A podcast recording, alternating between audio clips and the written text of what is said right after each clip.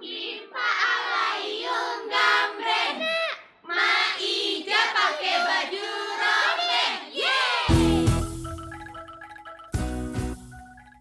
Halo Sobat Ijiar, kalian tahu nggak permainan tradisional yang namanya Rangku Alu? Atau mungkin nama permainan ini masih terdengar asing kali ya di telinga kalian? Nah, kita akan mengenal lebih dekat apa itu permainan Rangku Alu dan apa aja sih manfaatnya. Rangku Alu merupakan permainan dan tarian tradisional yang berasal dari Manggarai, Flores, Nusa Tenggara Timur. Rangku memiliki arti menghentakkan dan alu adalah alat tumbuk padi yang terbuat dari kayu atau bambu. Dulunya, rangku alu sering dimainkan ketika anak-anak menunggu orang tua mereka menumbuk hasil tani. Lambat laun, permainan ini menjadi simbol perayaan saat musim panen tiba. Dalam pertunjukan tari, permainan rangku alu sendiri dihadirkan dengan iringan musik tradisional, gendang, dan gong. Rangku alu dimainkan menggunakan empat bilah bambu yang disilangkan dan digerakkan oleh empat orang. Empat orang atau lebih tersebut dibagi menjadi dua kelompok, yaitu kelompok jaga dan kelompok main. Hmm, kira-kira apa sih bedanya kelompok jaga sama kelompok main?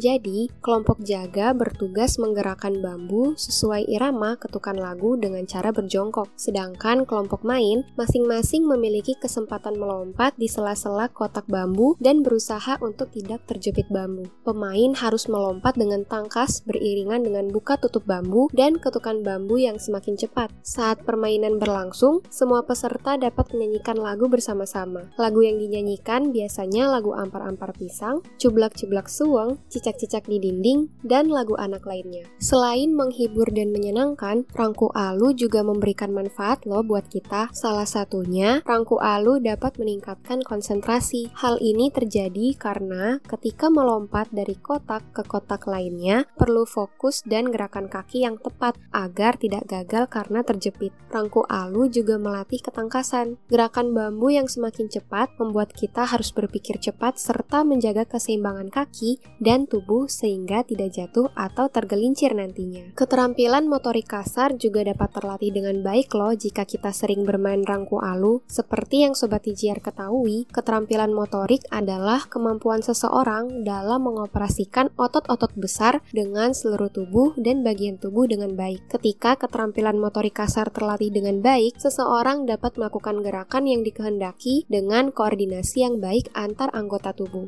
seperti gerakan kepala dengan tepakan kaki dan gerakan tangan. Perlu diketahui bahwa masa anak-anak merupakan golden age. Anak-anak dapat mempelajari suatu hal dengan cepat sehingga orang tua juga perlu memberikan stimulasi yang baik hingga anak dapat tumbuh dan siap menjadi bagian sosial masyarakat masyarakat. Orang tua dapat memberikan stimulasi kepada anak dengan mengajak bermain di luar dan menyentuh benda-benda baru yang belum mereka jumpai sebelumnya. Nah, Sobat Tijiar, tertarik mencoba bermain rangku alu dengan adik-adik atau teman-teman lainnya? Lupakan gadgetmu, ayo main di luar.